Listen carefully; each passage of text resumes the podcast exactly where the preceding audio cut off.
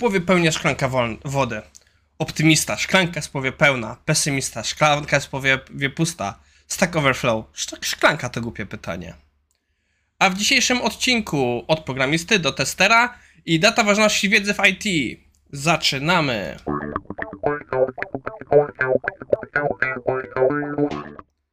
Dziś mamy bardzo fajny odcinek, bo są artykuły od Was. Oba artykuły zostały napisane przez osoby, które oglądają IT Morning.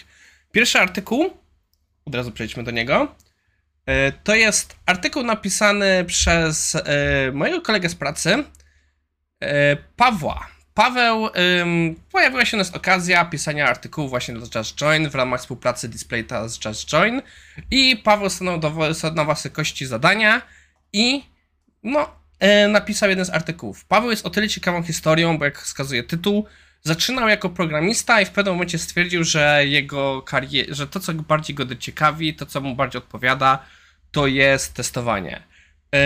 Jest to artykuł, który nie będę w pełni tutaj omawiał z prostego powodu, bo jestem reviewerem tego artykułu. Ja byłem jedną z osób, która sprawdzała ten artykuł z perspektywy technicznej, więc dość dobrze znam ten artykuł i nie jestem pewien, czy będę w pełni tutaj w stanie być w miarę uczciwy względem niego.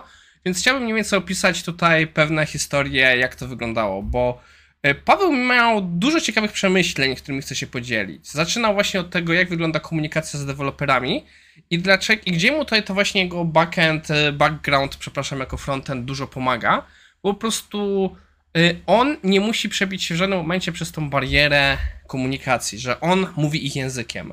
To jest coś, co ja kiedyś dawno temu, zresztą też dla Just Join w artykule e, e, Programisto pozwól testerowi pisać kod, mówiłem, że w momencie, gdy używamy tych samych narzędzi, patrzymy w ten sam kod, o wiele łatwiej nam mówić tym samym językiem. I to jest właśnie fajny punkt, który poruszył. Kolejny punkt, gdzie dużo mówił, to jest też o automatyzacji testów. Bo my w Displaycie używamy Cypress. Te testy raczkują jeszcze. Nie mogę to określić inaczej, raczkują.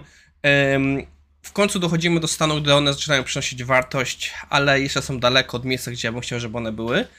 Ale e, mamy te testy i właśnie tutaj też Paweł trochę się udziela przy ich pisaniu. Jest dużo fajnych rzeczy, których robi.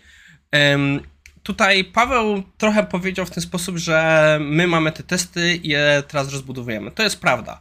Jest już stabilne, teraz to trzeba rozbudowywać i jeszcze bardziej zbudować zaufanie do tego. Na razie jesteśmy w dobrym miejscu, idziemy dalej. Em, oczywiście, skoro też Just Join, to e, Display dalej szuka ludzi, więc zachęcamy do skorzystania.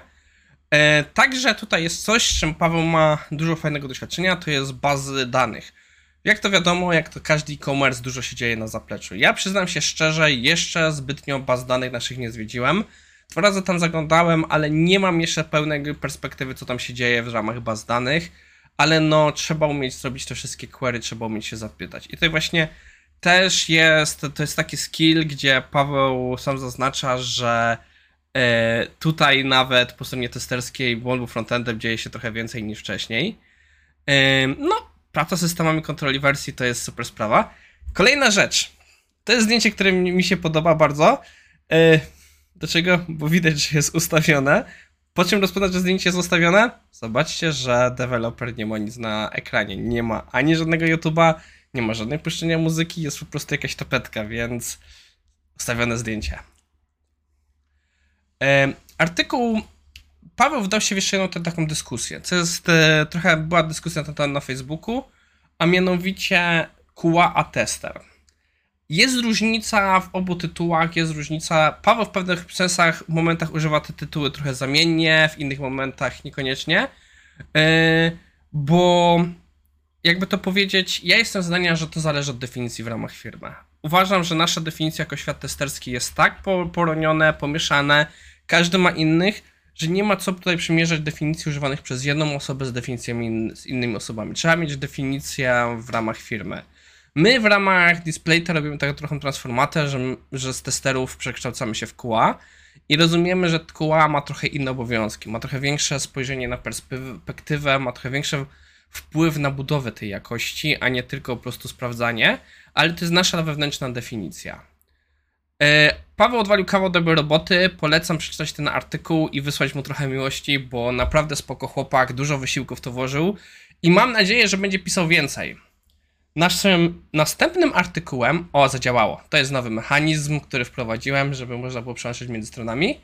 E, następny artykuł już u nas był. Był w odcinku, e, chwileczkę, był w odcinku specjalnym up, IT Update i w ramach tego odcinka ma, omawiałem artykuł Marcina na temat daty ważności wiedzy. Ale wiem, że nie wszyscy oglądacie update'y i uważam, że to jest na tyle warty artykuł, żebyśmy go tutaj wprowadzili. W dużym skrócie, kiedy prosiłem o feedback i miałem pewne wątpliwości co do tego, jak działa u nas kwestia, tutaj kwestia uczenia się z tych odcinków, yy, Marcin wysłał mi prywatnie feedback, ale także napisał taki artykuł ze swoimi przemyśleniami, yy, yy, gdzie poruszył kwestię, która jest super istotna, że wiedza ma datę ważności. To, co umiemy dzisiaj, niekoniecznie musi być wartościowe jutro ale są rzeczy, które mogą się nie starzeć. Jest taki zresztą pattern, principle, przepraszam. Alan, avoid learning anything new. Czyli to nie znaczy, żeby nie uczyć się, ale żeby kłaść priorytet na podstawach, na sprawdzonej wiedzy, która istnieje od zawsze i dalej będzie istnieć. Czyli na przykład solid, e, obiektowość i tak dalej, niż jakieś najnowsze frameworki językowe. E, Ponosi też kwestię, że jak nie używamy czegoś, zapominamy to. I też yy, dużo co zaznaczył, i to, jest myśl, i to jest rzecz, która bardzo mi daje się we znaki, bo myślę, że za mało tego robię. To jest, że jeśli nie używamy jakiejś wiedzy, ona nam no, nie przynosi wartości.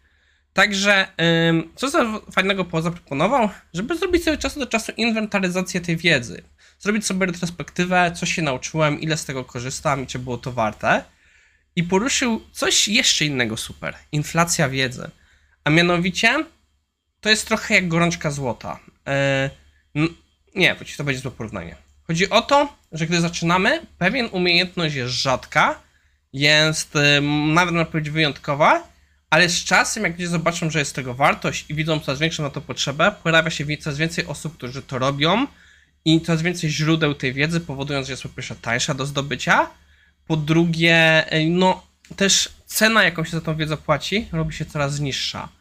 I to jest coś też, na czym warto się zastanowić, że trzeba tą wiedzę zdobywać sobie ciągle, tą trudną wiedzę, bo no ta, którą już mamy, z czasem będzie traciła na wartości.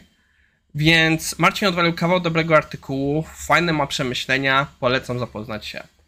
No i podsumowując, po pierwsze, Paweł opisał swoją historię przejścia z dewelopera na testera opisał, jakie umiejętności deweloperskie mu się przydały i dalej się przydają.